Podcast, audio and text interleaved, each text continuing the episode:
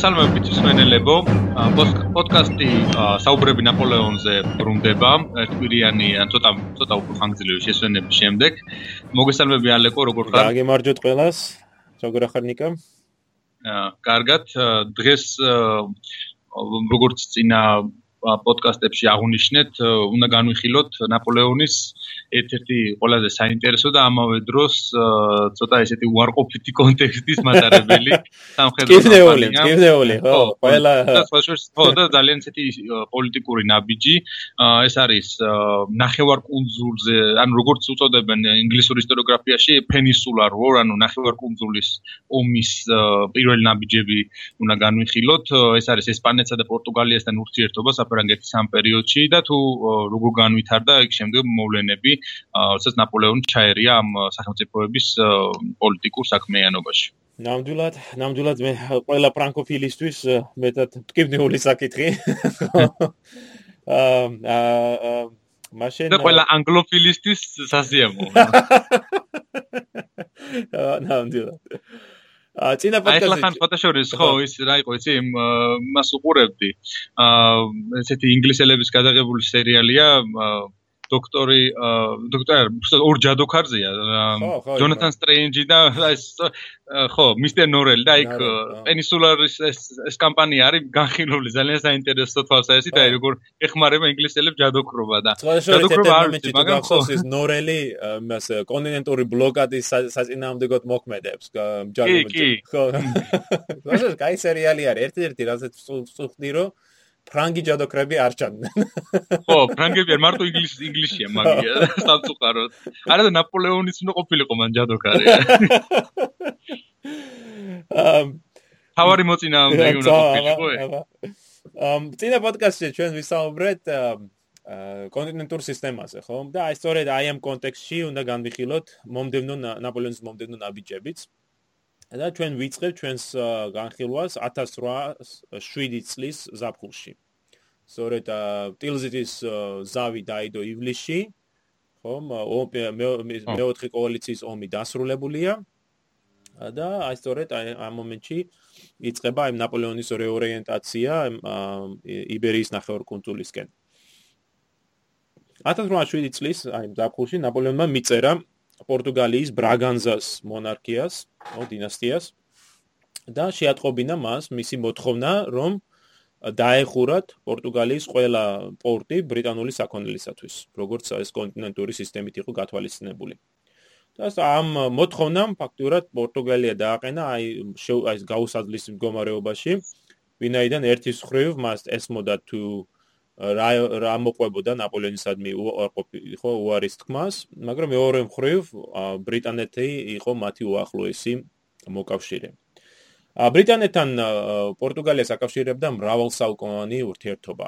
ჩვენ შეგვიძლია ნახოთ ამ დასაწყისი ამ ურთიერთობის ჯერ კიდევ მე-12 საუკუნეში, როდესაც ლისაბონის ალყის დროს ინგლისელმა ჯვაროსნებმა სხვა შორის დაუჭერეს ხარი პორტუგალიის მეფეს ალფონსოს და აი მე-12 საუკუნიდან შემოყოლებული იყო ახლო ურთიერთობა, რომელიც საბოლოოდ ჩამოყალიბდა ეს ინგლისის და პორტუგალიის შორის სპეციალური ალიანსით. ხელი მოეწერა 1373 წელს. და აი მას შემდეგ აი ეს ამ ორ ქვეყანას მართლა აი ძალიან მჭიდრო ურთიერთობა აკავშირებს არის დინასტიური კავშირებიც ხო ვიცით რომ მაგალითად მე-14 საუკუნეში პორტუგალიის მეფე იონმა ჯონმა როგორც მას ეწოდა ან ჟოაო როგორც პორტუგალიელები მას უწოდებდნენ მან ცოლად მოიყვანა სწორედ ინგლისელი პრინცესა და ჩვენ მე შემდეგ ვხედავთ კიდევაც არაერთ კიდევ ქორწინებას რომელიც შედეგად აი ეს კავშირი მყარდება. აა ასე რომ აი პორტუგალიას და ინგლისს ძალიან მრავალსაუკუნოვანი ურთიერთობა აკავშირებს. ეს ურთიერთობა კიდევ უფრო გამყარდა 1703 წელს. ანუ აი რევოლუციამდე ამ მხოლოდ 100 წლით ადრე, ხო? 1703 წელს, როდესაც ხელი მოეწერა მეთუენის ხელშეკრულებას. ეს ეკონომიკური ხელშეკრულება არის, მაგრამ ამ ხელშეკრულებამ ძალიან დიდი როლი შეასრულა პორტუგალიის ისტორიაში. ამ მეთუენის ხელშეკრულების მიხედვით პორტუგალიის ბაზარი გაიხსნილი იქნა, სწორედ ბრიტანული საქონლისათვის ხოლო ბრიტანეთის ბრიტანეთმა თავზე იქ დათანხმდა შემოეტანა პორტუგალიის ღვინო, რომელიც ერთ-ერთი ძირითადი ექსპორტი იყო პორტუგალიის. აი პორტუგალიის ღვინო, აი გადასახადების გარეშე, ანუ ფაქტობრივად ხდება, ვერ ვიტყვით რომ თანაბარი არის ხომ აი ეს პირობები. ბუნებრივია ბრიტანელებმა უფრო დიდი შეღავათი მიიღეს თავის საქონლის შეტანის პორტუგალიაში. მაშინ როდესაც პორტუგალიას მხოლოდ ღვინის გაყიდვა შეეძლო ბრიტანეთში. და აი ამის შედეგად ისე მოხდა რომ 1703 წლის აი ხელშეკრულების შემდეგ მომდევნო აი 90 თითქმის 90 თითქმის 100 წლის განმავლობაში ბრიტანული საბაჭრო ინტერესებმა დაიკავეს პორტუგალია და ითქ დაუმინირებდნენ ფაქტურად პორტუგალიურ ეკონომიკას. ჩვენ ვიცით რომ მე-18 საუკუნის შუა შუა წლებში პორტუგალიის ერთ-ერთმა მინისტრმა მეპის ჩეველმა სებასტიო ჰოსე კარვალო პომბალის მარკიზმა წამოიწყო რამ რეფორმების პერიოდი, რითაც ცდილობდა გაეკონტროლებინა აი ბრიტანული საბჭოური ინტერესები, შეემცირებინა ბრიტანული საქონლის დინება პორტუგალიაში. და აი ხელი შეეწყო პორტუგალიური ეკონომიკის და ეს ინდუსტრიის განვითარებას და მართალია პომბალს ჰქონდა რაღაც მიღწევები, გარკვეული მიღწევები, მაგრამ საბოლოო ჯამში მან ვერ შეძლო აი ამ აი ამ ბრიტანული საბჭოური ინტერესების დარღვევა და მაინც პორტუგალია იყო აი ამ ბრიტანული ინტერესების ქვეშ. ამრიგად, როდესაც ნაპოლეონმა მიწერა ხო აი ბრაზილ პორტუგალიელებს და მოთხოვნით რომ დაეხურათ ამათის პორტების ბრიტანული ვაჭრობისათვის ეს იქნებოდა ეკონომიკური ეკონომიკური კატასტროფის ტოლფასი პორტუგალიისათვის, ვინაიდან ის ამდენად დამოკიდებული იყო ბრიტანულ ვაჭრობაზე. უფრო მეტიც. ვინაიდან პორტუგალია იყო არა მარტო ის მხოლოდ ის პატარა ქვეყანა, რომელსაც ჩვენ ყველა ვიცნობ დღევანდელ ხო პატარა ძალიან ლამაზი და ჩვენი ორი ქვეყანა, არამედ ამეთრომეტე საუკუნეში პორტუგალიას გააჩნია საკმაოდ ვრცელი იმპერია. იმპერია რომელიც მოიცავს როგორც პორტუგალიას, ასევე ბრაზილიას, ხო? მოიცავს ასევე პორტუგალიის კოლონიებს აფრიკაში. და სამხრეთ აღმოსავლეთ აზიაში, ხო, რა ვთქვათ, ის ადგილებში როგორც არის ინდონეზია, დღევანდელი ინდონეზია, ინდოეთის ზოგიერთი ნაწილი. და ამიტომ პორტუგალიის მონარქის წინაშე დადგა საკითხი რომ აი რა მოხდებოდა აი ამ აი ამ კოლონიებს რა მოვიდოდა თუ ის დათანხმდებოდა თუ პორტუგალია დათანხმდებოდა ნაპოლეონის მოთხოვნას. ბუნებრივია ბრიტანელები გამოიყენებდნენ თავიანთ საზღვაო ძალებს რათა დაეკავებინათ პორტუგალიის კოლონიური იმპერია. და აი სწორედ დიდი საშიშროება არსებობდა ამის ამისად. ა სწორედ ამიტომ იყო რომ თქვა 1793 წელს ჯეკ 93 წელს როდესაც ბრიტანეთის შეუერთ და პირველი კოალიციის ომს მათთან ერთად ამ ომში ჩაება პორტუგალიაც და სხვა შორის 93, 14, 15, 16 წლებში პორტუგალია მონაწილეობს კიდევაც საფრანგეთის ძინაამდე ომში. მაისი ერთ-ერთი კონტინგენტი, სამხედრო კონტინგენტი მსახურობდა ესპანურ ჯართან ერთად პირენეებში. სადაც აი 95-16 წლებში საკმაოდ დიდი ბრძოლები მიმდინარეობდა და საბოლოოდ ფრანგებმა კი გამოიმარჯვეს, მაგრამ ეს პორტუგალია მაინც განაგრძობდა ხო სამხედრო მოქმედებებს და ეს ყოველივე მხოლოდ დასრულდება შემდგომში 1800 წელს, როდესაც ნაპოლეონმა ხო 1800-1801 წლებში, როდესაც დასრულდა მეორე კოალიციის ომი. ამ ბუნებრივია პორტუგალიელი თვითონ პორტუგალიის მონარქია საკმაოდ რთულ ვითარებაში არის, იმიტომ რომ ამ პერიოდში პორტუგალიის ტახტზე ზის დედოფალი, რომელიც როსაც ცოტა არ იყოს ფსიქოლოგიური პრობლემები აქვს და ნამდვილი ეს ძირითადი ეს ხელისუფლება არის სწორედ მისი შვილის დომ ჟოაოს ხელში. ანუ ჟოაო პრო რეგენტის რეგენტის თანამდებობაზე არის. და მოკლედ ჟოაო მიიღო ეს წერილი 1807 წლის აპრილში და ცდილობდა ყველანაირად გაეწელა დრო.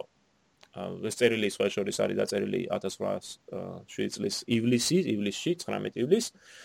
და ეს სწორედ აგვისტოს განმავლობაში, მთელს აგვისტოში, აი ხედავ ჩვენ ჟოაოს ცდილობს გაეწელა ეს დრო, მოეგო დრო, მოენახა რაიმე გამოსავალი.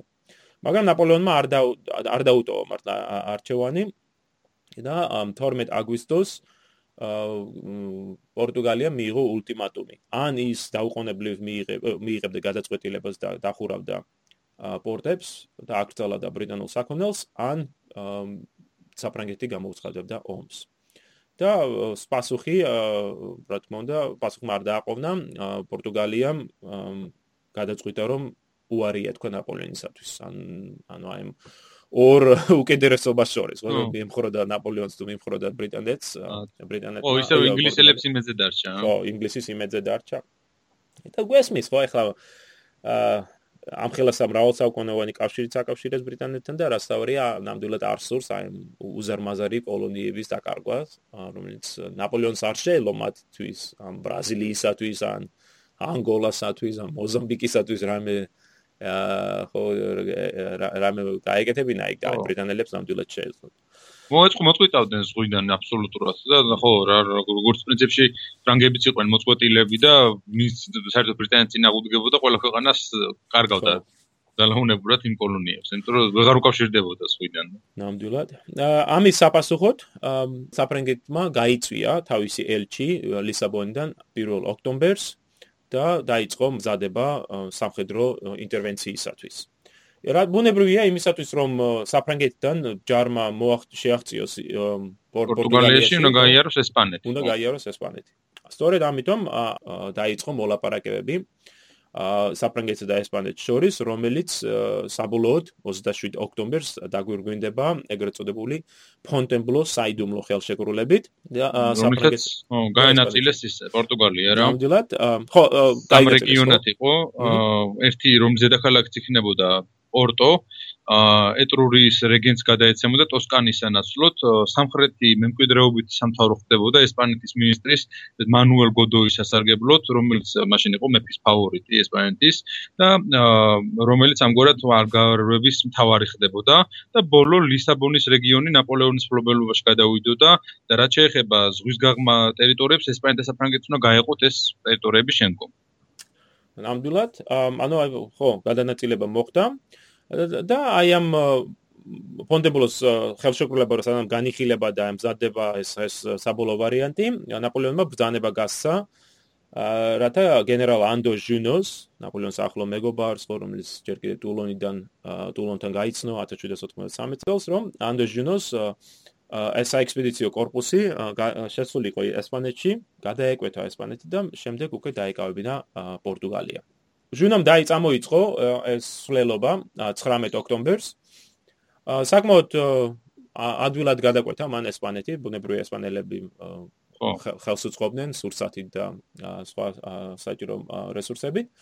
და 23 ნოემბერს ფრანგები უკვე პორტუგალიის საზღვარზე იყვნენ როდესაც ჟუნო ემზადებოდა იმ პორტუგალიის საზღვრის გადასასვლელად, ნაპოლეონმა გამოაცხადა, გამოსცა უბრალოდ манифесто, რომელშიც დაგმო ბრანგანზას დინასტიის გადაწყვეტილება მიმხრებოდა ბრიტანეთს და გამოიყენა ეს როგორ გასამართლებელ ხო მიზეზად აი ამ სწორედ შესაჭრელად და მომდევნო დღეს 24 ნოემბერს უკვე ფრანგები გადადიან საზღვარს და შედიან პორტუგალიის ტერიტორიაზე. ბუნებრივია ჟოაუმ იცოდა ამის შესახებ, ისიც იმან ისიც იცოდა რომ პორტუგალიის ძალები ვერ აღუდგებოდნენ ფრანგ ჯარს. მართალია ეს ჟუნოს საექსპედიციო კორპუსი საკმაოდ მცირეა. დაახლოებით 20000 კაცი არის, მაგრამ ბუნებრივია საუბარი არის 20000 ვეტერან ფრანგ ჯარისკაცზე. აა რომელიც ნამდვილად ადვილად დაამარცხებდნენ პორტუგალიელ ჯარს. აა ამიტომ დომ ჟოაო და მისმა მინისტრებმა დაუყოვნებლივ დაიწყეს დახმარების თხოვნა ბრიტანელებისგან. ბრიტანელებმაც უპასუხეს გაგზავნეს სამხედრო საზღვაო корпуსი, პროსტორიტ ესკადრონი ლისაბონში და შესთავაზეს შესთავაზეს შემდეგი რამ, რომ ისინი ევაკუაციას მოახდენენ მთელი პორტუგალიის სამეფო კარის ბრაზილიაში და ფაქტურად შეძლებდნენ მათ დაცვას ამ შორეულ ქვეყანაში. მაგრამ სამისოთ საჭირო იქნებოდა პორტუგალიის მიტოვება და აი ფაქტურად ფრანგებისათვის დატოვება. ჟოაომ აირჩია ეს ეს ეს ეს სლა და მართლაც დაწყებული 24 ნოემბრიდან ჩვენ ხედავთ აი აქტიურ მზადებას ევაკუაციისათვის თვით ეს ევაკუაციას მართლაც აი საოცარი რამ არის იმიტომ რომ მხოლოდ 5 დღეში 24-დან 29 ნოემბერში მხოლოდ 5 დღეში ინგლისელებმა და პორტუგალიელებმა ბუნებრივია მოახდინეს 15000-ზე კაცის მომზადება მათი ყველა საკუთრების ჩალაგება მთელი სახელმწიფო არქივის სამეფო ხაზინის ხო და დარჩენი ოქროულობის თუ ძვირფასეულობის შემოგროვება გემებზე ატვირთვა და 29 ნოემბერს მაშინ როდესაც აი ფრანგები უკვე უახლოვდებოდნენ ლისაბონს პორტუგალიულმა და ბრიტანულმა ესკადრონმა დატოვა ლისაბონი და გაემგზავრა ბრაზილიაში და სწორედ გამგზავრებიდან მხოლოდ რამოდენიმე საათში უკვე პირველი ფრანგული ჯარები შევიდნენ ლისაბონში. ეს ერთი მხრივ დიდი წარმატება არის ნაპოლეონისათვის, მან ფაქტურად დაიკავა პორტუგალია და შეძლო ამ კონტინენტური სისტემის გავრცელება ამ ამ ამ ქვეყანაზე უბრძოლველად, ხო? ფრანგების წინამდე წინამდეგობ ძალიან წირე აღმოჩნდა. და ნაპოლეონმა გამოიმარჯვა, მაგრამ აი მისი ძირითადი მიზანი, რომ აი დაეკავებინა, ანუ ხელში ჩაეგდო პორტუგალიის მონარქია და აი სწორედ მის ხო მისი ხელშეწყობით გაეკონტროლებინა ეს ქვეყანა, ან მისი სტრაფვა კონტროლის ქვეშ აიყვანა პორტუგალიის ფლოტი, ხო ჩვენ კიდევ ვისაუბრეთ ხო ფრანგულ ფლოტზე თუ თუ რა დაემართა ფრანგებს ფლოტს 1805 წელს. მაგრამ აი პორტუგალიის ფლოტი საკმაოდ დიდი ზომის კარგი დამატება იქნებოდა, შენამატი იქნებოდა ფრანგებისათვის, მაგრამ აი ახლა უკვე ესეც დაკარგული არის. და რაც თავარია, ხომ ხედავთ ჩვენ აი ამიერიდან 1807 წლიდან პრობლემებს ესპანეთსა და საფრანგეთს შორის. ეს ეს პრობლემები საკმაოდ წვავე აღმოჩნდა. და შემდგომში უკვე ხო მივა სწორედ საფრანგეთის მიერ თვით ესპანეთში ინტერვენციამდე. მაგრამ სანამ ჩვენ ამაზე ვისაუბრეთ, უნდა მინდა აღვნიშნო, რომ აი 1807 წლის მოვლენები აღმოჩნდა საბედისწერო თვით პორტუგალიისათვისაც. ეს ერთ-ერთი ყველაზე გადამწყვეტი მომენტი არის პორტუგალიის ისტორიაში. ვინაიდან აი პორტუგალიის სამეფო კარის, აი ბრაგანზას დინასტიის ევაკუაცია და გადასვლა ბრაზილიაში არის პირველი შემთხვევა, როდესაც ევროპის სამეფო კარი გადადის მეტროპოლიიდან, ხო ეს ძირითადი ქვეყნიდან კოლონიაში. და ეს ბრაგანზას სამეფო კარი დარჩება ბრაზილიაში 1807 წლიდან 1822 წლამდე. სწორედ აქ ჩამოყალიბდება ეს სამეფო ხო ეს ხელისუფლება სხვა შორის რიო დე ჟანეიროში დადგება ხო ეს ჩამოყალიბდება თვითონ ეს ახალი მართლობის სისტემა და შემდგომში უკვე როდესაც 1822 წელს გადაწყვეტილება იქნება მიღებული ამ სამეფო კარის პორტუგალიაში დასაბრუნებლად ბუნებრივია ბრაზილი თვითონ ბრაზილიელები არ იქნებიან მაყოფილი ამით და მოითხოვენ დამოუკიდებლობას და ხო 1822 წლიდან მოყოლებული ბრაზილია ფაქტურად თავისთვის იქნება და აი პორტუგალია კი ცალკე. ანუ აი თვით პორტუგალიის იმპერიის და ასე დასამარება, ასე რომ ვთქვათ, იწყება 1807 წელს. ასევე მნიშვნელოვანია ისიც, რომ ამ ნაპოლეონის მიერ პორტუგალიის დაკავებამ იქონია დიდი ზეგავლენა პორტუგალიის სხვა რეგიონებზე, ამ სხვა კოლონიურ კოლონიებზე. ამათ შორის ყველაზე მნიშვნელოვანი არის პორტუგალიის კოლონიები ინდოეთში, ისეთი ადგილები როგორც არის გოა და პორტუგალიის კოლონია მაკაოში. აი მაკაო განსაკუთრებით მნიშვნელოვანი არის, მდებარეობს სამხრეთ ჩინეთში, კალა კანტონთან, როგორც მას უწოდებენ ამაში. და ჩვენ ვიცით ხო ისტორიულად ჩინეთი არ იყო დაინტერესებული იმით რომ ევროპელებს მისემოდა ევროპელების საშუალება შემოსულიყვნენ ჩინეთის ბაზარზე ხომ და გაიგე როგორც იაპონიაც იყო პრინციპში ხო, აი მეტნეტყილება ჩაკეტილი, ხო? და ჩინელები აძლევდნენ მხოლოდ აი იმის საშუალებას, რომ ევროპელებს ეყიდათ ჩინური საქონელი და ისიც აი ძალიან გაკონტროლებულ პირობებში ამ შემთხვევაში საუბარი არის აი პორტუგალიელებს ჰქონდათ პატარა კონძული მაკაო, სადაც ისინი მათ შეთ ჰქონდათ აი ეგრეთ წოდებული ფაქტორიები დაწესებულები და შეიძლება წელიწადში ერთხელ მოსულიყვნენ, ეყიდათ საქონელი და წასულიყვნენ შემდეგ თავიანთ ქვეყანაში. ინგლისელებს არ გააჩნდათ ეს ეს საშუალება, ხო შორის 93-14 წლებში, როგორც ვიცით, არის ეს სახელგანთმული ელჩობა ჩინეთში, რათა ბრიტანელებს სურდათ გაეხსნათ ჩინეთის ბაზარი თავის ბრიტანული სავაჭრო ინტერესებისათვის, ეს ელჩობა გამოდგა წარუმატებელი.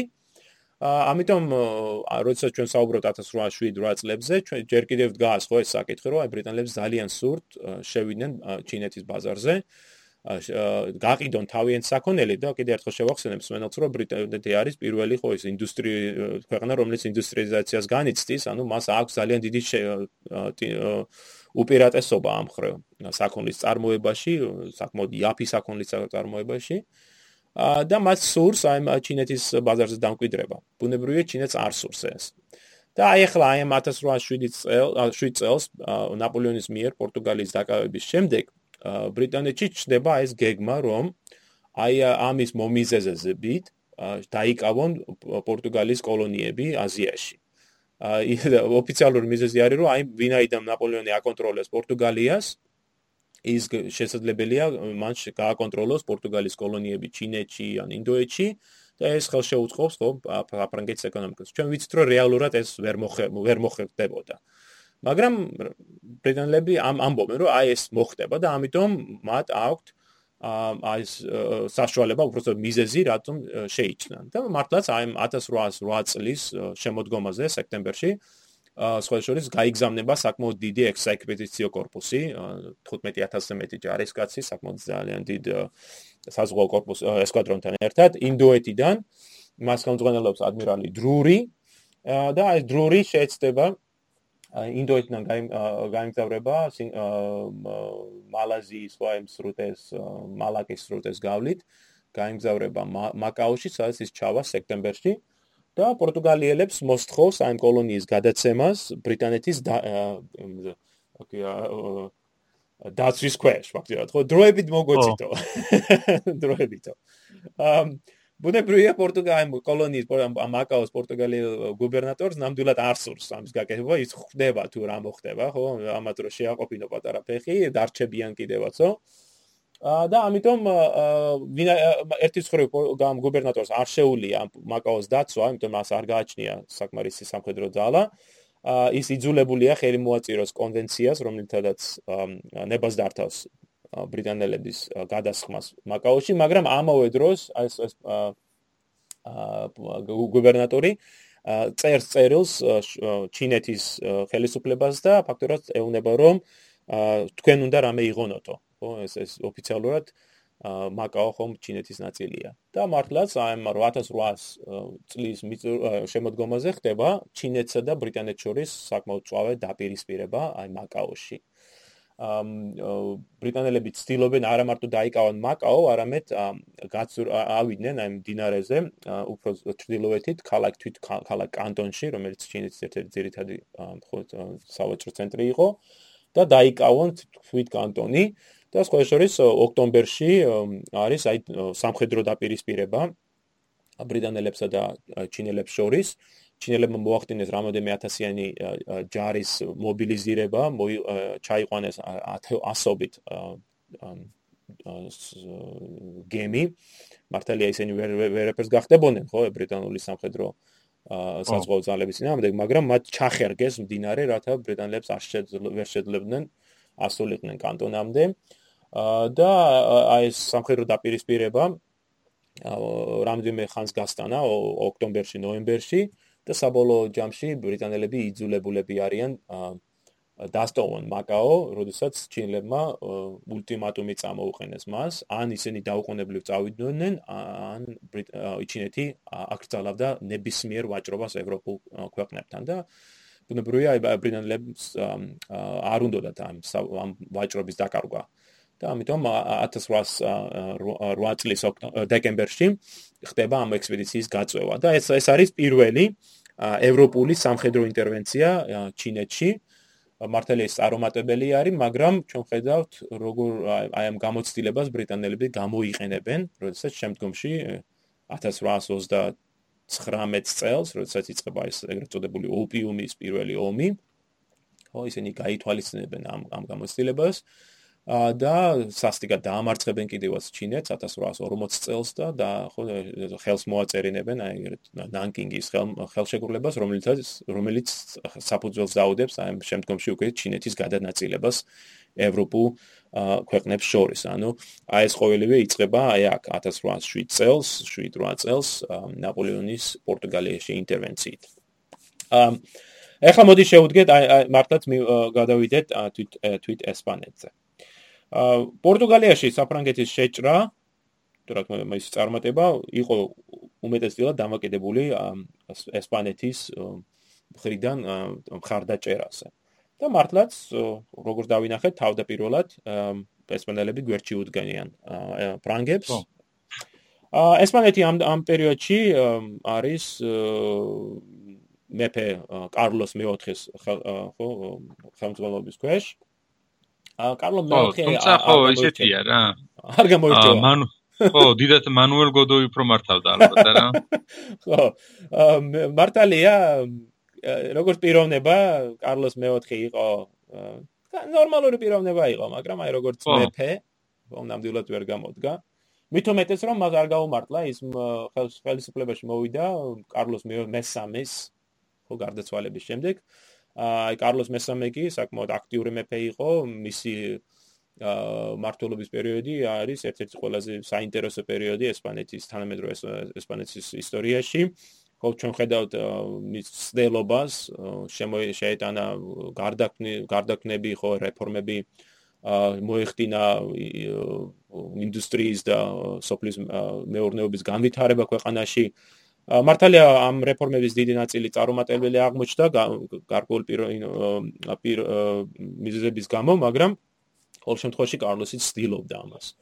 აა მაგრამ აი კარლოს მეოთხე მართლაც მეტად უფრო სუსტი აღმოჩნდა და აი დომინირებდა შენ როგორც თქვი ამ ministrები უბრალოდ ხდება ministrების ხრიდან მისი დომინირება.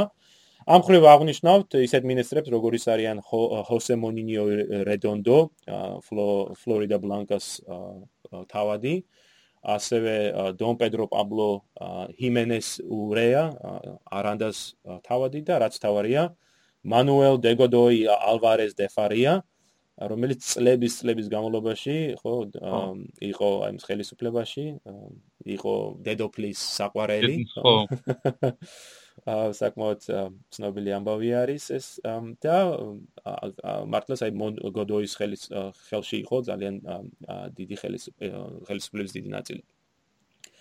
ამ ესპანეთის ერთ-ერთი ძირითადი პრობლემა არის ის რომ აი რეფორმების პერიოდმა რომელიც კარლოს მესამემ წამოიწყო ძალიან დიდი ცვლილებების მომტანი იქნებოდა ესპანეთში და მას წინაღუდგა თავადაზნაურობა რომ და ეკლესია. ამ ბუნებრივია აი ეს ეს ორი აი ეს როგორ თქვია სოციალური ხო ეს ინსტიტუტი ასე რომ თქვა ეს თავადაზნაურობა და ეკლესია ძალიან დიდი ზეგავლენით სარგებლობდნენ. და მათ არანაირად არ სურდა თავისი ინტერესების, ეკონომიკური ინტერესები იქნება ეს თუ აი სოციალური პრივილეგიების თუ თუ სხვა ინტერესების შეზღუდვა, სწორედ იმიტომ რომ აი მეფეს მეფეს სურდა ეს გარდაქმნის შემოტანა. ამ ამავე დროს ესპანეთს მართლა არ გაუმართლა მე-18 საუკუნეში, ვინაიდან ამ მის მიერ წარმოებულ ხო ომებში ის არაერთხელ დამარცხდა, საკმაოდ წარეთ. და ამ სამხედრო წარუმატებლობამ ბუნებრივია გამოიწვია თვით ეკონომიკური სტაგნაციაც. და ამას უნდა დავუმატოთ მართლაც აი უიღბლობა იმით რომ მე-18 საუკუნეში მე-18 საუკუნის მიწურულს უბრალოდ ხდება არაერთი ბუნებრივი კატასტროფა რომელთაც კიდევ უფრო დამძიმდა ესპანეთის მდგომარეობა მაგალითად 1802 წელს ახლა უფრო ანაპოლეონის პერიოდთან უფრო ახლოს მინდა მაგალითად მოვიყვანო 1802 წელს სეგურას მდინარეზე შენდებოდა დიდი კაშხალი, რომელიც დაინგრა, არასწორად იყო აშენებული, დაინგრა და აი წარღვნამ, რომელიც ამ შედეგად შეიქმნა, გაანადგურა ეს რეგიონი და 10000-ზე მეტი ადამიანი მოკლა. შემდეგ 1804 წელს ხდება საკმაოდ ძლიერი მიწისძვრა ესპანეთში, რომელიც დიდი ზიანი მიაყენა სამხრეთ და ცენტრალურ ესპანეთს. დააზიანა უამრავი შენობები და ამის კიდევ პარალელურად ხდება არაერთი ეპიდემია. მათ შორის რა ქვია ციებცხელების ეს yellow fever ასე რომ ვთქვა. აა ციებცხელები რომელიც ასევე საკმაოდ დიდ ზიანს მიაყენებს ესპანეთს. ანუ თლიანობაში ესპანეთი ძალიან რთულ და ვითარებაში არის. აა ბუნებრივია, აი მანუელ გოდოის ხელისუფლება არ გამოირჩეოდა ძალიან დიდი ეფექტურობით. ცნობილი იყო ესპანეთი იყო ერთ-ერთი ესეც უფრო კორუმპირებული, უფრო არაეფექტური ხო ხელისუფლება. და ეს ყოველივე მნიშვნელოვანია, იმიტომ რომ ნაპოლეონს დიდი იმედი ქონდა, რომ ესპანეთი მის გვერდში იდგებოდა და იქნებოდა ეფექტური მოკავშირე. აა და მართლაც ახლა ის რომ საფრანგეთსა და ესპანეთს შორის ეს ნათესაური კავშირია, ხო, ეს ოლი ალიანსი აკავშირებდა, ჩვენ ვიცით, იწყება ჯერ კიდე 1714 წლიდან, როდესაც ესპანეთის სამეფო, ხო, სამეფო გვირგვინი გადადის ბურბონების დინასტიის ხელში. და ეს ბურბონების, საფრანგეთის ბურბონები და ესპანეთის ბურბონები ერთმანეთს კი ედგნენ გვერდში. მაგრამ რევოლუციის დროს ბურბონების დინასტია დაემხო საფრანგეთში, ამიტომ 1793 წლიდან საფრანგეთსა და ესპანეთს შორის ჩამოვარდა ეს დაპირისპირება, სამხედრო კონფრონტაცია, როგორც აღნიშნე. აა იყო პირენეების პირენეებში ომიც კი საფრანგეთსა და ესპანეთს შორის. 1796 წელს ეს ქვეყნები დაზავდნენ, მაგრამ მათ შორის მაინც ეს უთანხმოება მაინც სუფევს. ნაპოლეონის აღზევებამ მხოლოდ კიდევ უფრო გააწოვა ეს ურთიერთობა, ვინაიდან ნაპოლეონი ესპანეთის მიმართ იყო აი უფრო ისე დამოკიდებულება ჰქონდა მას, როგორც აი უფრო უმცროსი ალიანსის უმცროსი წევრის მიმართ. აა ითხოვდა ბევრ ამეს ესპანეთისგან, მაშინ როდესაც თავის ხრივ საფრანგეთი არ უწევდა საკმარის პრინციპში პორტუგალია ესპანეთის ომიც ხო იყო 1801 წელს. ხო, ორანჟების, ხო, ეგრეთ წოდება ორანჟების ომი. ნარინჯოვანი ომი. ეგეც აი მართლაც აი აი ნაწილი არის სწორედ იმისა რომ აი პორტუგალიის პორტუგალია ჯერ კიდევ იყო ხო ინგლისის ალიანსში და ეწინააღმდეგობა როგორც საფრანგეთს მაგრამ ისე ესპანეთის ინტერესებს და აი ცდილობა იყო რომ დაეკავებინათ ის რა არის საინტერესო იცი 1804 წლებში როდესაც ნაპოლეონი ჯერ კიდევ ხო აი ცდილობს თავის ძალაუფლების კონსოლიდაციას მას ჭირდება ფული. ხო ამ მილიონობით ფრანკი დაჭირდებოდა როგორც ეკონომიკური სტაბილიზაციისათვის ისე თავისი ძალაუფლების გასაყარებლად და ნაპოლეონს სურს გამოიყენოს ესპანეთი საამისოდ. და აი 1804 წლებში ძალიან საინტერესო სქემა არის ეს რომელიც ნაპოლეონი დაატრიალებს ესპანეთს რომ როგორც ვიცით გააჩნია უზარმაზარი იმპერია ახლა ახალ დასავლეთ ჰემისფეროში იმპერია, რომელიც ამერიკის ნახევარს მოიცავს დღევანდელი ამერიკის შეერთებული შტატებს გულისხმობდა, დაწყებული ამ დღევანდელი ოკლაჰომა, იუტას შტატებიდან დასული არგენტინის წვერამდე, წვეთამდე, ყველა თითქმის მთელი ტერიტორია არის სწორედ ესპანეთის კონტროლის ქვეშ. ამ მთელ ტერიტორიაზე ბუნებრივი იყო უაზარმაზარი ბუნებრივი რესურსები, რომელსაც ესპანეთი აწარმოებდა. და ამ ხრივ ყველაზე მნიშვნელოვანი არის სწორედ ის ვერცხლის საბადოები, რომელიც ესპანეთს გააჩნდა. ამ ამ ხრივ ყველაზე მნიშვნელოვანი საბადო ამ ამ უკვე მე ვგულისხმობ 18 საუკუნის ბოლოს იყო სწორედ მექსიკაში. მანამდე იყო ძალიან დიდი საბადო, ხო, სამხრეთ ამერიკაში, რომელსაც მე-16 მე-17 საუკუნეებში აწარმოებდნენ ესპანელები. ო და შეგადაში ინგლისელები ართმევდნენ რა. შეიძლება დრეიკის ამბები გახსოვს რა. ო. არა მარტო ალბათ რამდენი დადიოდა მასეთი მეკობრე ნახევრად მეკობრე. ო დრეიკი რა რაილი და სხვაებიც მაგეთ ლიბუსტიერები და ეს ხო. ამ მე-18 საუკუნის მიწურულისათვის ყველაზე დიდი საბადო არის დღევანდელი მექსიკის ტერიტორიაზე, ზაკატეკას რეგიონში. აქ აი მართლაც ვამბობ მთელი რა ქვია თარი ფაქტურად სუფთა ვერცხლისგან და მის აა და სწორედ ამ მოკლედ აწარმოებენ ამ ამ ვერსს მაგრამ პრობლემა რა არის? 1796 წელს როდესაც ესპანეთი დაზავდა საფრანგეთთან და ფაქტურად ჩამოყალიბდა ალიანსი საფრანგეთს და ესპანეთს შორის აა ურთიერთობები დაიძაბა სწორედ ესპანეთსა და ბრიტანეთს შორის. შემდეგ უკვე მესამე კოალიციის ომის დროს შევახსენებს მენელს ესპანეთმა ხო ხარი დაუჭირა აშკარად საფრანგეთს და ფაქტურად ომი დაიწყო ესპანეთსა და ბრიტანეთს შორის. ხო, ეს შორის აი ომის დაწყებამდე ადრე ძირითადად ერთ-ერთი მიზეზი ამ ომის დაწყებისა იყო ის, რომ ბრიტანელებმა იერიში მიიტანეს სწორედ ერთ-ერთ აი ამ ოქროთი და ვერცხლით დატვირთულ კონვოიზე, რომელიც მოდიოდა ლათინური ამერიკიდან ესპანეთში და ხელთ ჩაიგდეს ის. და ანუ აი მო 5-6-7 წლებში, ხო, 4-5-6 5-6-7 წლებში არის ბრიტანეთსა და ესპანეთს შორის საერთოდ ომი გაჩაღებული. ანუ აი ეს ვერცხლი, რომელსაც ისინი აწარმოებენ ეს მექსიკაში, ვერ მიდის ესპანეთში, გროვდება უზარმაზარი ოდენობით გროვდება მექსიკაში და აი ეს ნაპოლეონმა იცის ეს და 1804 წლის 4 წლებში ის უკავშირდება გოდოის და ეუბნება თქვენ ხო გააქვთ ეს აურაცხელი ვერცხლია მექსიკაში. კიო. შეიძლება რომ ცოტა მე რომ მომწეთო? ეხლა უარს როგორ ეთქოდა, ხო? ნაპოლეონს და აა გოდოიმა კი ბატონო, უბრალოდ ერთი პრობლემა არისო, რომ ვერ ჩამოგვაქვს ვერანაირად და ამიტომ არ ვიცი რა გავაკეთოთო და ნაპოლეონმა ეგ პრობლემა არ იქნებაო.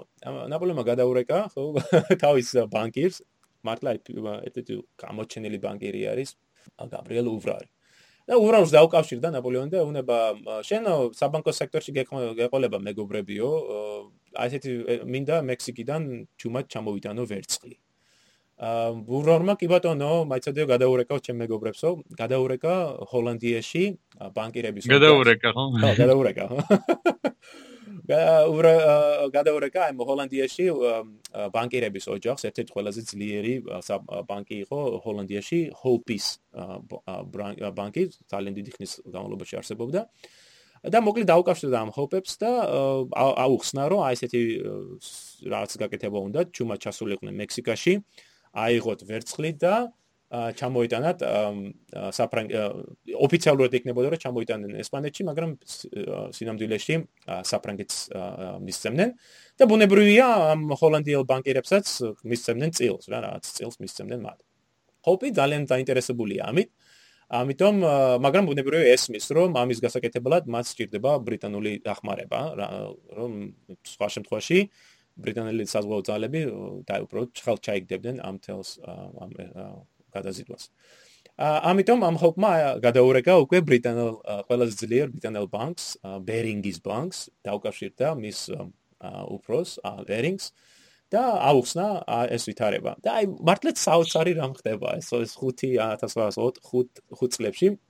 მიმის მიუხედავად რომ ესპანეთი და საფრანგეთი ებრძვიან ბრიტანეთს, აქ აი ამ საავადმყოფო საბანკო სექტორში ხდება ეს შეთანხმება. ბერინგი აღუთქვავს დახმარებას ჰოპს, რომ ისინი ჩააწყობენ საქმეს ბრიტანულ ხელისუფლებასთან. აა როთა დაეტვირთათ გემები ამ ვერცხლით. ბერინგი ამის საპასუხოდ მიიღებდა წილს. ეს ვერცხლი წავიდოდა ჰოლანდიაში, ჰოპი მიიღებდა თავის წილს, მე ეს ვერცხლი ჩავიდოდა საფრანგეთში, საფრანგეთი აიღებდა თავის უკვე ლომის წილს და მე დარჩენილ ნაწილს გადასცემდნენ ესპანეთს. და მართლაც, წარმოიდგინე, ხო? წარმოიდგინე. მართლაც ეს გემები გაიგზავნა მექსიკაში. ბერინგმა არა მარტო ჩააწყო საქმე ბრინალ ხელისუფლებას, არამედ ისიც კი უზრუნველყო, რომ ამ ვერცხლის გადატანა იქნებოდა და დაცული ბრიტანული სამხედრო გემებით. მაგარია. და მართლა 6 წელს აი მილიონები, რამდენი მილიონი ფრანკის ოდენობის ვერცხლი იქნა დატვირთული ამ გემებზე. ბრიტანული სამხედრო ხომალდები მათ იცავენ, ისინი გადატანილი იქნა საფრანგეთში, ესა ჰოლანდიაში, მერე საფრანგეთში და მერე უკვე ესპანეთში. ნაპოლეონმა ბუნებრივია ხელ ჩაიგდო ნაწილი ამ ამ ოქრო ოქრო ვერცხლიულობის, უბრალოდ მეტის წილი არის ვერცხლის. აა მაგრამ ესპანელები არ იყვნენ ამით დიდად მაყოფილები, ბუნებრივია, ხო, მათ საკმაოდ დიდი ფული დაკარგეს. ისინი ფიქრობენ, რომ აი ნაპოლეონი იყენებს მათ.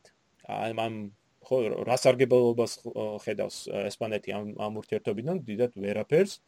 მithumetes ტრაფალგართან ხო ფრანგული ფლოტზე საუბრისას ჩვენ დაუნა აღნიშნოთ რომ ფლოტის ნაწილი მესამედი დაახლოებით იყო ესპანური ფლოტი ანუ ტრაფალგართან ბრძოლისას ესპანელებმა დიდი დანაკარგი მიიღეს 806 წელს მაშინ როდესაც ნაპოლეონი ემზადება პრუსიის წინააღმდეგ ომისათვის გოდოი დარწმუნებული იყო, რომ პრუსიელები მოიგებდნენ. აწარმოებენ ამ ხელამ შეცდომა არის, ხო? ხო. დამოკიდე ის დარწმუნებული იყო, რომ პრუსიელები მოიგებდნენ, რომ ნაპოლეონი დამარცხდებოდა და ამიტომ მან 1806 წლის შემოდგომაზე დაიწყო სამხედრო მობილიზაცია და გამოსცა манифесто, რომელშიც მოუწოდებდა ესპანელებს დახმარ ჩამდგარიყვნენ სამხედრო სამსახურში, დახმარებოდნენ მხარი დაეჭირათ ხელისუფლებასიც, რათა დაემარცხებინათ მოწინააღმდეგე. აი ესე ამ манифестоში საუბარი არის ზოგადად. ხო, ჯერ მაინც ვერ ბედავს რა. აშკარად ეთქვა, ხო?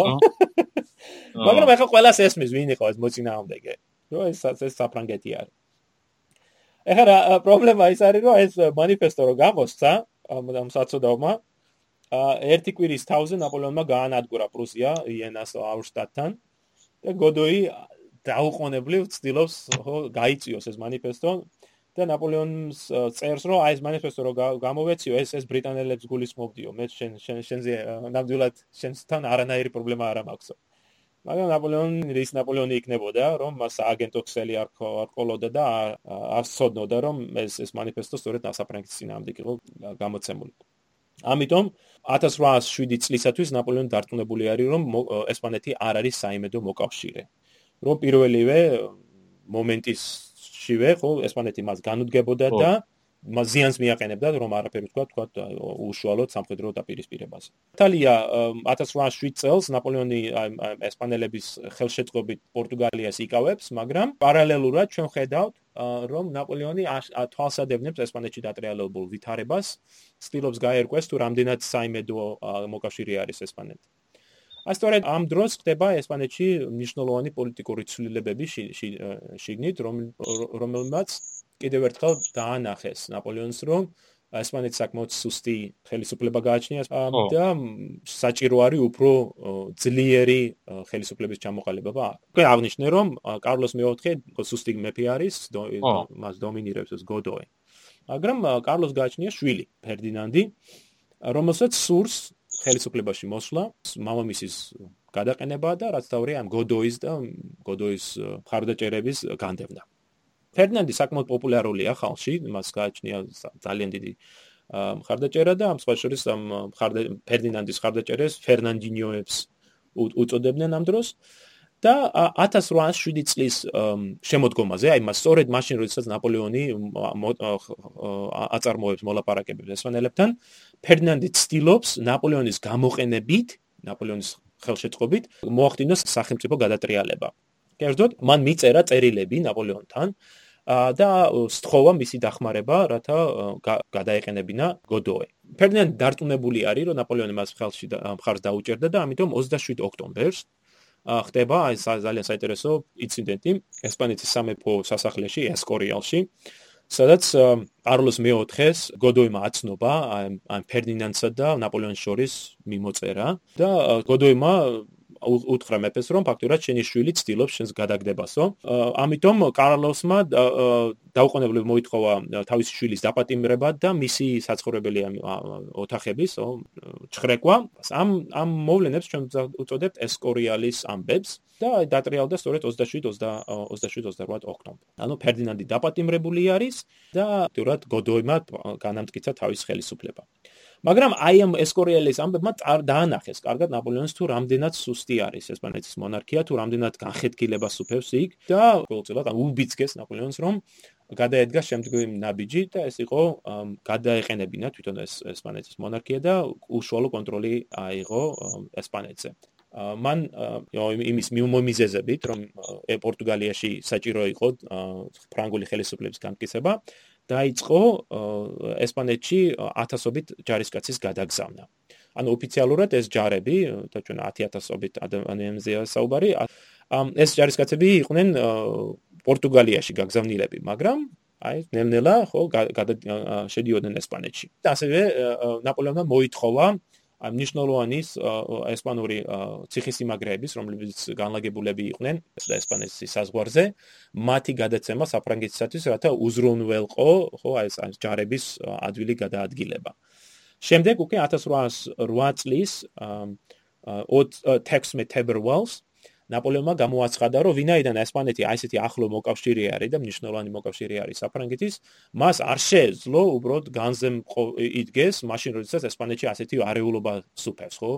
სამეფო კარი განხეთქილი არის, თვით პრინცი ფერდინანდი, რომელიც შემდგომში უნდა უნდა გახდეს მეფე, არის დაპატიმრების ქვეშ, ხო?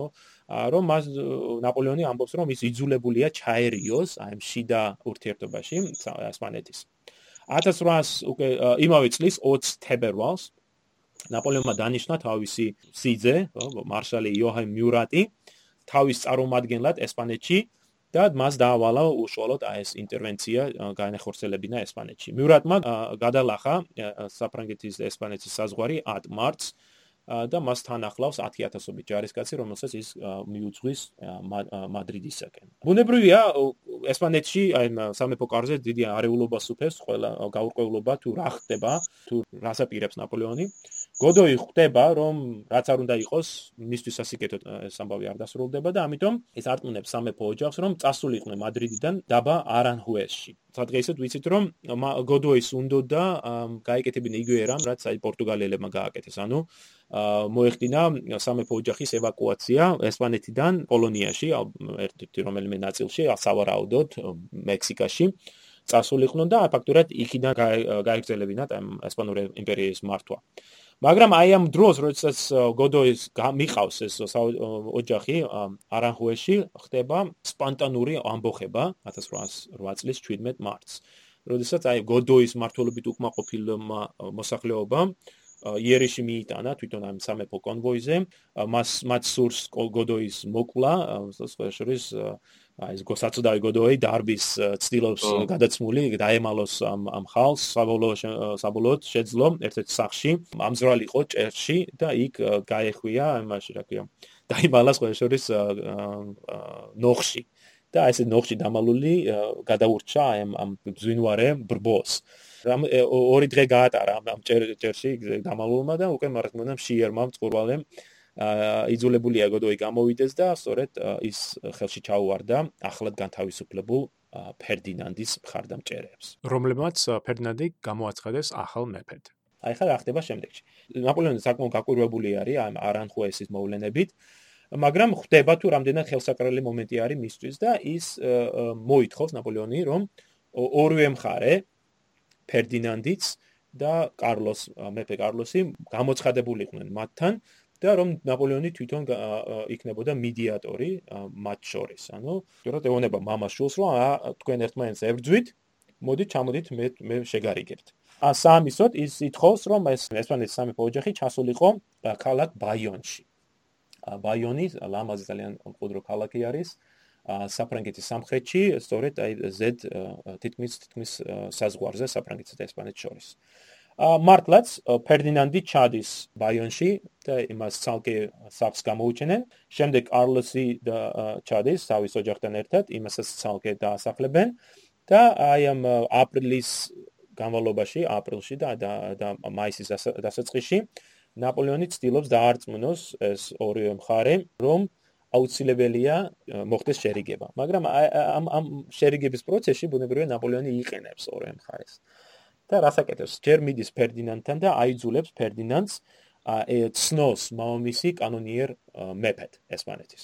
ფერდინანდი თავდაპირველად უარყოფს, ჯერ ცდილობს რომ არ მოაწეროს ხელი ამ ამ საბუთს და ამიტომ ნაპოლეონმა დაუყენა ესეთი ულტიმატუმი. ან შენ ხელს მოაწერ ამ საბუთს, ან ბრაუნს დაგდებ სახელმწიფო ღალატში და ფაქტურად სიკვდილი დაისჯები შენ. ფერდინანდი იძულებულია ხელი მოაწერო ამ საბუთს 6 მაისს. მაშინ როდესაც ის მოაწერს ამ საბუთს, აღმოჩნდება, რომ ნაპოლეონმა დაარწმუნა კარლოს, რომ უარია თქვა თავისი გვირგვინისათვის და გადაეცა გვირგვინი ნაპოლეონისათვის. ანუ ფაქტობრივად ორივე მხარეს, ხო, ნაპოლეონმა გააცურა, ასე რომ ვთქვათ, კარლოსი დაარტყმნა რომ გადაეცა მისთვის ეს გვირგვინი, ხოლო ფერდინანდი დაარტყმნა რომ ეღიარებინა კარლოსი და ვინაიდან ფერდინანდმა აღიარა კარლოსი, ხოლო კარლოსმა აღიარა ნაპოლეონი, ფაქტობრივად ნაპოლეონი დარჩა სამეფო. ისე ისე თვითონ ნაპოლეონს რაღაცა ძალიან ეს ფერდინანდი ძალიან ეზიზღებოდა თვითონ მისი იქიდან ჩასწორა. აუტანელი ტიპი იყო, სიმართლე გითხრა. აუტანელი რა. თვითონ ამბობდა ის ძალიან სულელი და ბოროტიაო. ჩერჩეტი მართლაც. ამ და ესე გააცურა ეს ესპანეთის სამეფო კარი ნაპოლეონმა ფერდინანდი იქნება დატყვევებული და მას გააგზავნიან სწორედ ალერანის შტატოში, ვალენსიაში, ხოლო კარლოს მეოთხე იქნება გაგზავნილი კომპიენში და შემდგომი უკეთ 7 წელი ისინი გაატარებენ ისინი გაატარებენ სწორედ აი ამ ტყვეობაში. და მხოლოდ დაბრუნდებიან უკან ფერდინანდი ყოველ შემთხვევაში დაბრუნდება სწორედ აი ნაპოლეონის ომების დასრულების შემდეგ. ერთის ხრის ჩვენ ხედავთ თუ რამდენად წარმატებული არის ნაპოლეონი აი თავის აი ორ პირველ პოლიტიკაში ხო აღკარა არის რომ ეს ორ პირველ პოლიტიკას აწარმოებს. ამ რომ იყენებს როგორც აი დაშინებას ასევე ინტრიგას, ხო, რომ მიაღწიოს თავის საწადელს. ბაშერის ერთ-ერთი ცნობილი ამერიკელი ისტორიკოსი არის პოლ შროდერი, ძალიან საინტერესო ნაშრომი აქვს მას ნაპოლეონის პერიოდზე და ბაიონის ამბებზე საუბრისას შროდერი ამბობს, რომ ნაპოლეონი ნაპოლეონმა აქ თავი წარმოაჩინა არა როგორც ნიჭიერმა ხედართავარმა ან პოლიტიკოსმა, არამედ როგორც წარმატებულ მაფიოზომ. და მართლა მაფიოზურ მეთოდებს იყენებსო. ამ სწორედ აი აქედან იწყება ეგრეთ წოდებული ეს ესპანეთის ამბები, ხო, ესპანეთის ინტერვენცია. ის მოითხოვს დარჩენილი სამეფო ოჯახის ევაკუაციას მადრიდიდან. და აი 1808 წლის მაისში, მაისის 2 მაისს ორ სამ მაისს უკვე იწყება აი სამეფო ოჯახის დარჩენილი წევრების ნელ-ნელა გაყვანა მადრიდიდან. მიურაც აივალება ხო ეს ყველაფერი. და ჩვენ ვიცით რომ როდესაც გავწევდა ეს ამბავი რომ სამეფო ოჯახის დარჩენილ წევრებიც გაყავდათ ფრანგებს მოხდება ეს სახელგანთმული სპონტანური ამბოხება მადრიდში როდესაც რომელსაც დოს დე მაიოს აჯანყებას უწოდებენ და მართლაც ეს აჯანყება ეს უკვდავყო ფრანსისკო დე გოიამ ხო თავის ნახატებში. აჯანყება საკმაოდ რიცხანე გამოდგა ფრანგებისათვის მოულოდნელი ბუნებრივი არის და ამ საკმაოდ დიდი დანაკარგიც განიცადა ფრანგულმა ჯარმა. ამ ხრივ აღსანიშნავია მამლუქთა ესკადრონი რომელიც ტანისამოსი ხო აშკარად აღმოსავლური ტანისამოსი იყო ხო? კი ცნობილი ნახატიც არის გოიას სადაც ჩანან ეს მამლუქები კი. ხო და აი სწორედ ამ მამლუქთა გამოჩენა თავის ეს აღმოსავლურ ისლამურ ტანისამოსში გააღვივა ამ ესპანელებს შორის აი ეს თვითონ ეს რეკონკისტას მოგონებები და მართლაც აი მამლუქთა მიმართ განსაკუთრებული სიძულვილით იყო. ამ დოს დე მაიოს ამბების დროს მე ერთ-ერთი ჩემი ნაშრომი ხო არის აი მე ერთ-ერთი მამლუქთა ესკადრონის ხელმძღვანელზე, ქართველზე, ჟან შაჰინზე, ხო? რომელმაც აი მართლა სასწაულებრივ გადაურჩა აი ამ სასაკლაოს, რომელიც გაჩაღდა მადრიდში და შეძლო სამშვიდობოს გასვლას. ა მიურატმა ამ ამ აჯანყებას უპასუხა კიდევ უფრო დიდი სისასტიკით დოსტემაიოს ნახატი ცნობილი არის გოიასი, მაგრამ ნაკლებად ცნობილი არის მისი ამ ნახატის გაგრძელება, რომ მეორე ნახატი, რომელიც გოიამ შექმნა, უკვე ტრეს დემაიოს 3 მაისი, რომელზეც ასახული არის დახურეტები. აი, დახურეტები, ხო, აი, მიურად. არა, საკმაოდ ცნობილია პრინციპში ეგ ნახატი, თუმცა ისე ალბათ მაინც არა, როგორც ის როგორც დოსტემაიო, ხო? ხო. ხო, ეგ უფრო დრამატული სცენა არის, მეორეში უფრო ეს დახურეტები, რომელსაც ფრანგებმა ასობით ესპანელი დახურიტა მადრიდში და მისი ირგვლივ. ა მაგრამ მიუხედავად დახრეტებისა, დება ახალ საინტერესო მოვლენა.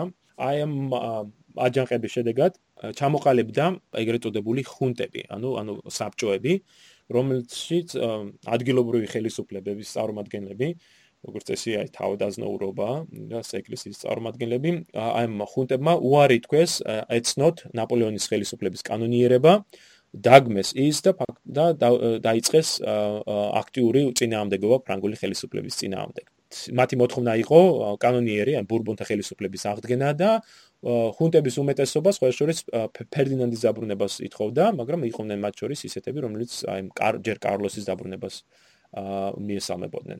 ამ ხუნტებმა დაიწყეს ესპანელებს შორის, სწორედ რასაც ჩვენ ეს ხოლმე ვწოდებ, ეროვნული სულისკვეთების ეროვნული შეგნების გავივებას.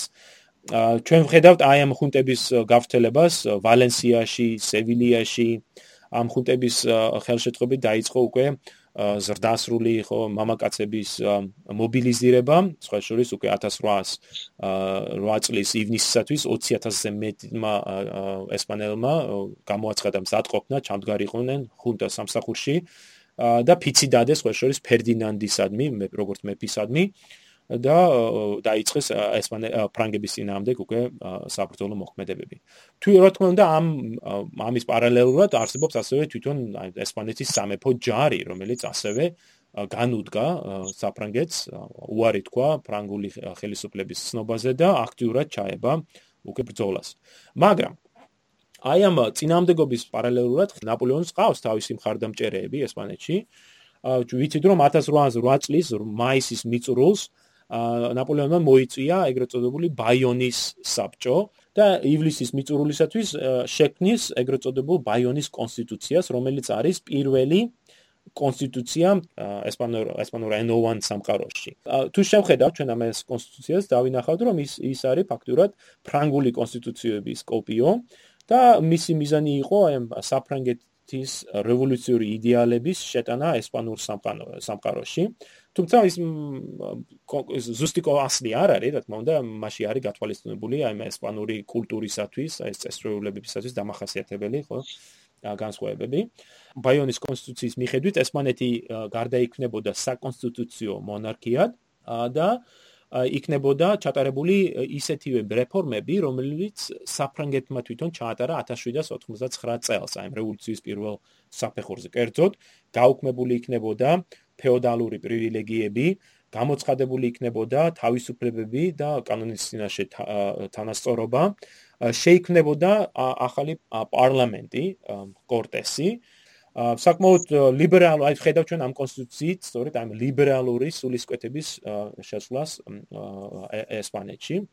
და აი ამ კონსტიტუციის მხარდამჭერეები იქნებიან ცნობილები როგორც აფრანცესადოს, ანუ საფრანგეთის მომხრეები. აა და თუ აი ჩვენ ხედავთ აი გარკვეულწილად აი ესპანეთის საზოგადოებაში აი განხეთქილებას.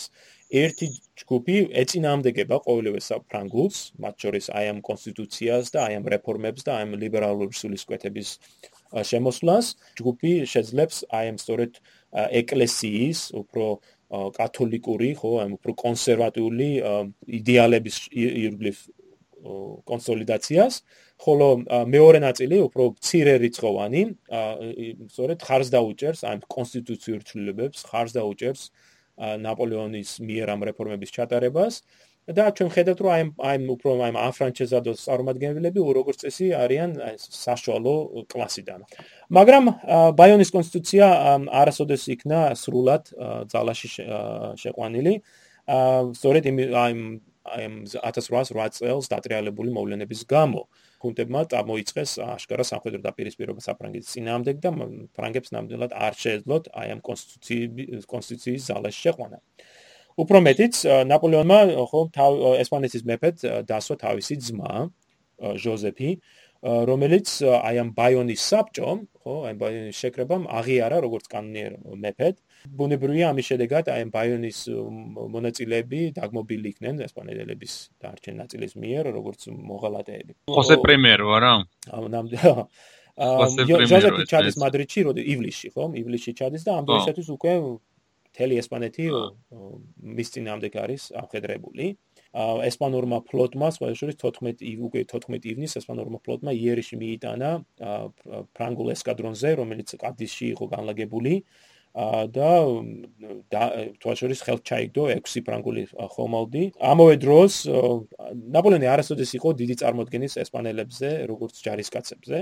და ის დარწმუნებული იყო, რომ აი ეს корпуსები, რომელიც მან გააგზავნა, სავსებით საკმარისი იქნებოდა ესპანეთის დასაკავებლად, მაგრამ აი ეხლა უკვე 1806 წლის ზაფხულში აღმოჩნდა, რომ ეს корпуსები ნამდვილად არ არის საკმარისი ამ ხელა ქვეყნის გასაკონტროლებლად, მით უმეტეს რომ აა ნაპოლეონმა ეს корпуსები მიმოფანტა თელს ან თელს ნახევარკუნძულზე და ვხედავთ ამის შედეგად მართლაც корпуსები ფაქტურად იზოლირებული აღმოჩნდნენ ხო და ცუდი რაღაცეებიც გამოიწვია მე ფრანგებიც მაგრამ იზოლირების შედეგია ის ბაიონის ამბები და აა მართლა ჩვენ შეგვიძლია ჯერ აღნიშნოთ მოდი წარმატებები აღნიშნოთ ჯერ. ხო. მაგალითად მარშალმა ხო მარშალმა ბესიერმა გამოიყენა ესპანელების შეცდომები და დაამარცხა თვითონ ესპანური ჯარი მედინა დელ რიო სეკოსთან 1808 წლის 14 ივლისს.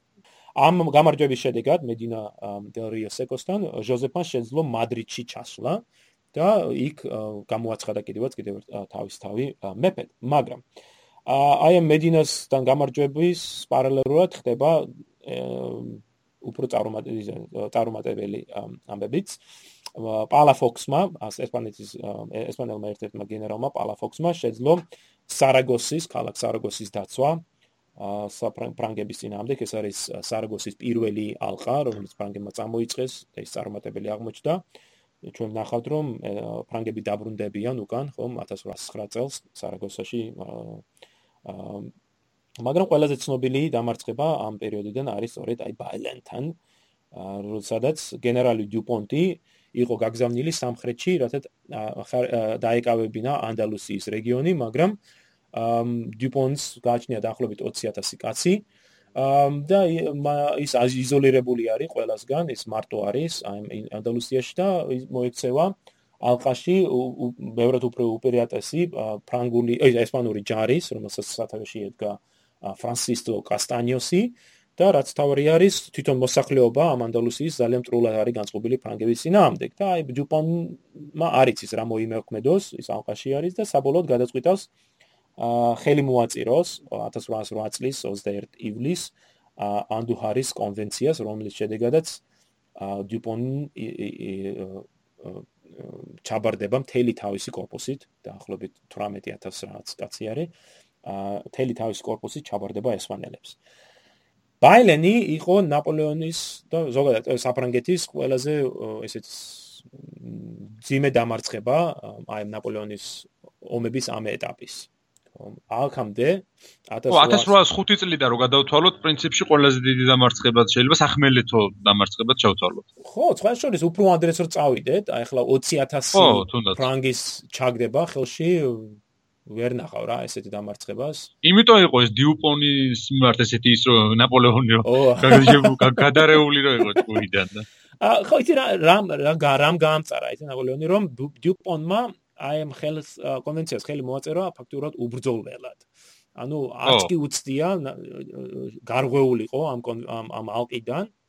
ამიტომ ეთეს რომ დიუპონის ხელქვეით გენერლები, ხო, დივიზიის უპროსები უითხოვდნენ რომ შეებრძოლებინათ რომ მართლაც ეცადა ჯერ გარღვევა და მე აი იყო როგორც ვარიანტი არა გარღვევა აი ვედელი რომ მოვიდა ალყის გასაბრალად ხო აი ზუსტად ხო არა ხო აი მაგრამ ხო ამ დააყრევინა. თან მithumetes დიუპონე არისო ისეთი გენერალი ანუ მანამდე ომებში გამოირჩეოდა პირიქით შემტევი და ესეთი გენერალი იყო და ანუ გასაკვირია რომ ასე ადვილად დანებდა ეს ესპანელი ხო აი მართლაც აი საოცარი მომენტი არის როცა აი ფსიქოლოგიური წნეხი ხა უფრო მეტად რომ აი მარტო ხარ საფრანგეთის ესპანეთის სამხრეთში დახმარების იმედი არა გაქვს და აი მართლაც აი დიუპონი ცოტა არ იყოს დაიბნა და ახლა ბაილენს ამბებმა ხო რომ ფრანგები ესე მწარე დამარცხნენ რომ ამ ხელ ათასობით ფრანგი ჩავარდო ტყვეობაში თელს ევროპაში თელ ევროპას მოედო და აი მართლაც სიმბოლო იყო რომ ფრანგები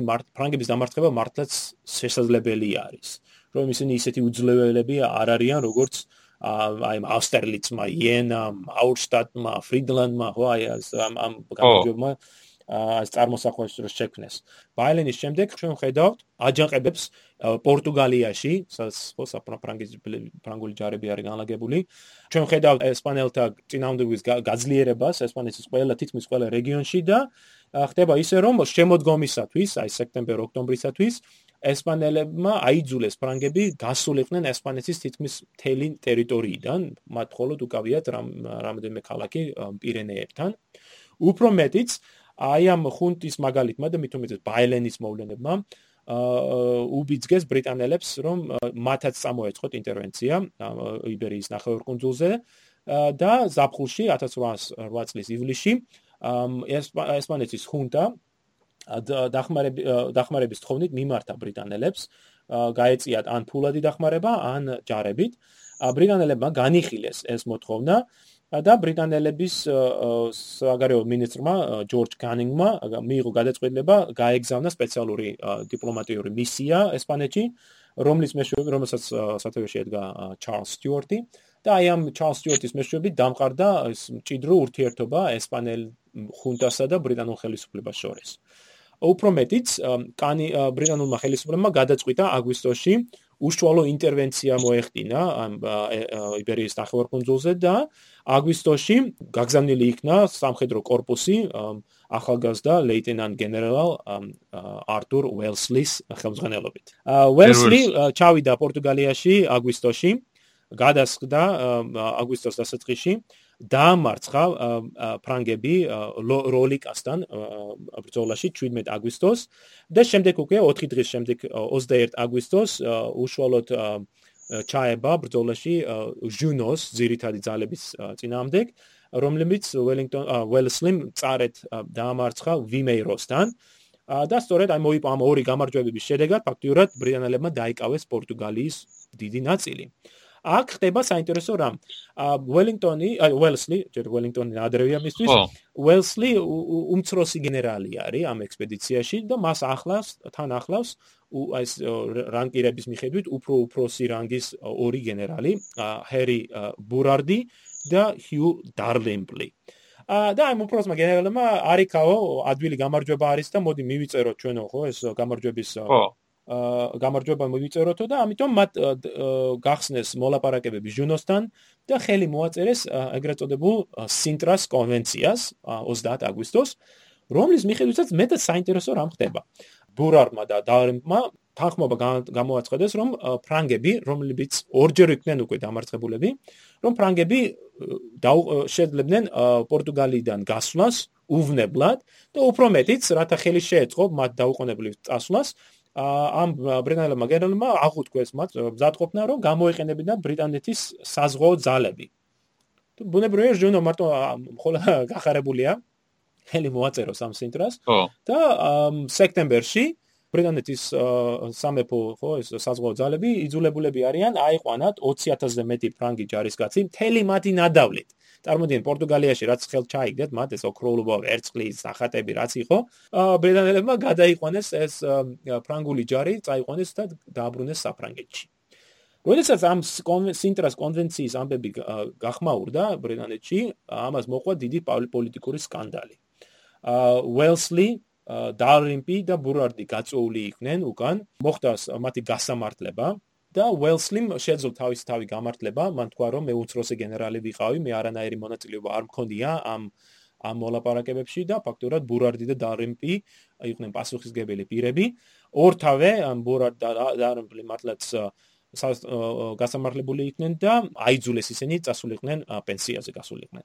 და ვინაიდან უელსლი უკვე ბრიტანეთში არის, ხდება ახალი ბრიტანული ჯარის ხედართავის დანიშნა, რომელიც არის შენის მიერ ნახსენები სერ ჯონ მური.